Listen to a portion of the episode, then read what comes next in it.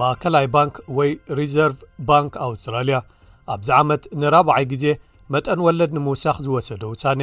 ኣብ ወነንቲ ኣባይቲ ልዑል ወይ ዓብዪ ጽልዋ ክሕድር ትጽቢት ይግበር ነቶም ገና ኣባይቲ ክገዝኡ ዝደልዩን ተቐማጢ ገንዘብ ዘለዎምን ሰባት ግን ኣወንታዊ ለውጢ ክኸውን ይኽእል እዩ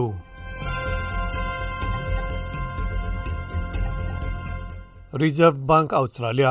መጠን ዝቕባበ ካብቲ ሕጂ ዘለዎ 6ዱሽ ሚታዊት ናብቲ ክኸውን ኣለዎ ኢሉ ዝዓለሞ ካብ 2 ክሳብ 3ለስተ ሚታዊት ንምምላስ ኣብ ዝደለየሉ መጠን ወለድ ምዝውዋር ጥረ ገንዘብ ኣብ መንጎ ባንክታት ወይ ኦፊሻል ካሽረይት ብሓምሳ መበገሲ ነጥቢ ወሲኽዎ ኣሎ። ኣፈኛ ተሓዚ ሕሳብ ተቓዋሚ ሰልፊ ትሬዠረር ኣንገስ ቴይለር ንሓደ ቁጠባዊ እማመ ክሳብ ባጀት ጥቅምቲ ምጽባይ ኣዝዩ ዝድንጉይ እዩ፣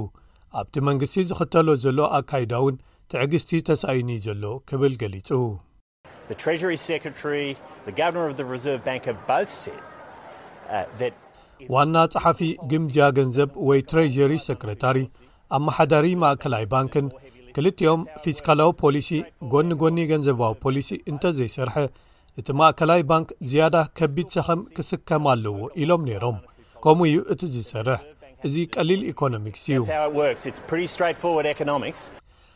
ኣባይቲ ኣውስትራልያ ብኸፊል ብተለዋዋጢ መጠን ወለድ ወይ ቫርያብል ሬይት ብልቓሕ ክግዝኡ ይኽእሉ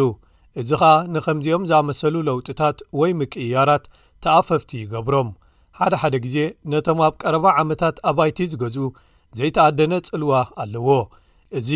ራብዓይ ተኸታታሊ ወሰኽ ብማእከላይ ባንክ ኣውስትራልያ ወይ ኣርቢa ኣብዚ ዓመት እዩ ሳልሳይ ተኸታታሊ ወሰኽ ብ50 መበገሲ ነጥቢ እዩ እዚ ኸኣ ነቲ ወግዓዊ መጠን ጥረ ገንዘብ ወይ ካሽ ሬት ናብ ሓደ ነጥቢ ሓሙሽተ ካብ ሚእቲ የብጽሖ። ቅድሚ ኣርባዕተ ኣዋርሕ ጥራይ ኣብ ዝነበረ ግዜ እቲ መጠን ክብረ ወሰን ዝኾነ ዝተሓተ ዚሮ ነጥቢ ሓደ ሚእታዊት'ዩ ነይሩ። RBA ነቲ ኣብዚ እዋን እዚ ንዒስራን ሓደን ዓመታት ዝለዓለ ዝኾነ ሽዱሽተ ነጥቢ ሓደ ሚእታዊት ኮፍ ኢሉ ዘሎ እናልዓለ ዝኸይድ ዝቕባበ ንምምካት ተኸታታሊ ወሰኽ መጠን ወለዳት ከም ዘድሊ ይገልጽ። ዝቕባበ ምውራድ ብሓደ ለይቲ ኣይከውንን፣ RBA ከምኡ ክሳብ ዝኸውን እቲ መጠን ጥረ ገንዘብ ወይ ካሽ ረይት ክውስኽ ምዃኑ ተኣሚኑ ኣሎ። ንገሊኦም ግን እዚ ጽቡቕ ዜና ክኸውን ይኽእል እዩ።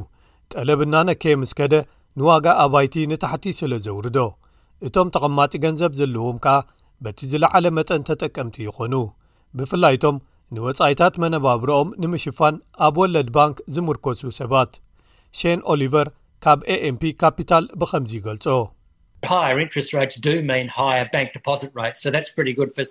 ልዕል ዝበለ መጠን ወለድ ማለት ልዕል ዝበለ መጠን ወለድ ባንክታት ንተቐማጢ ገንዘብ ዝህብኦ ማለት እዩ ስለዚ ነቶም ነብሶም ባዕሎም ዝምውሉ ጥረተኛታት እዚ ጽቡቕ እዩ እቲ ኻልእ ረብሓ መጠናት ወለድ እናወሰኹ ብዝኸዱ ዋጋታት ኣባይቲ ብቕልጡፍ ይወርዱ ኣለዉ ስለዚ ምስ ደሞት ሰባት ብምንጽጻር ዋጋ ኣባይቲ ዝያዳ ርትዓዊ ክገብሮ እዩ ዝብል ግምት ኣለኒ ከምኡ ንኽኸውን ግን ባንክታት ነቲ መጠን ወሰኽ ናብቶም ገንዘብ ዘቐምጡ ከሕልፎ ኣለወን ብዙሓት ባንክታት ነዚ ገና ኣይገበሮን ዘለዋ እዚ ድማ ንትሬዠረር ጂም ቻልመርስ ካብ ዘየሐጐስዎ እዩ። ካብዚ ዝርከብ ገለ ኣወንታዊ ነገራት ክህሉ ኣለዎ፣ ነቶም ገንዘብ ዘቐምጡ ድማ ኣብ ተቐማጢ ገንዘቦም ዝለዓለ መጠን ወለድ የድልዮምን ይግብኦምን እዩ።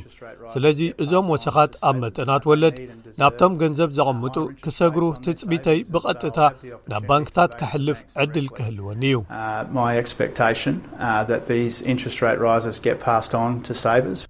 ገለ ሸመትቲ ወይ ተጠቀምቲ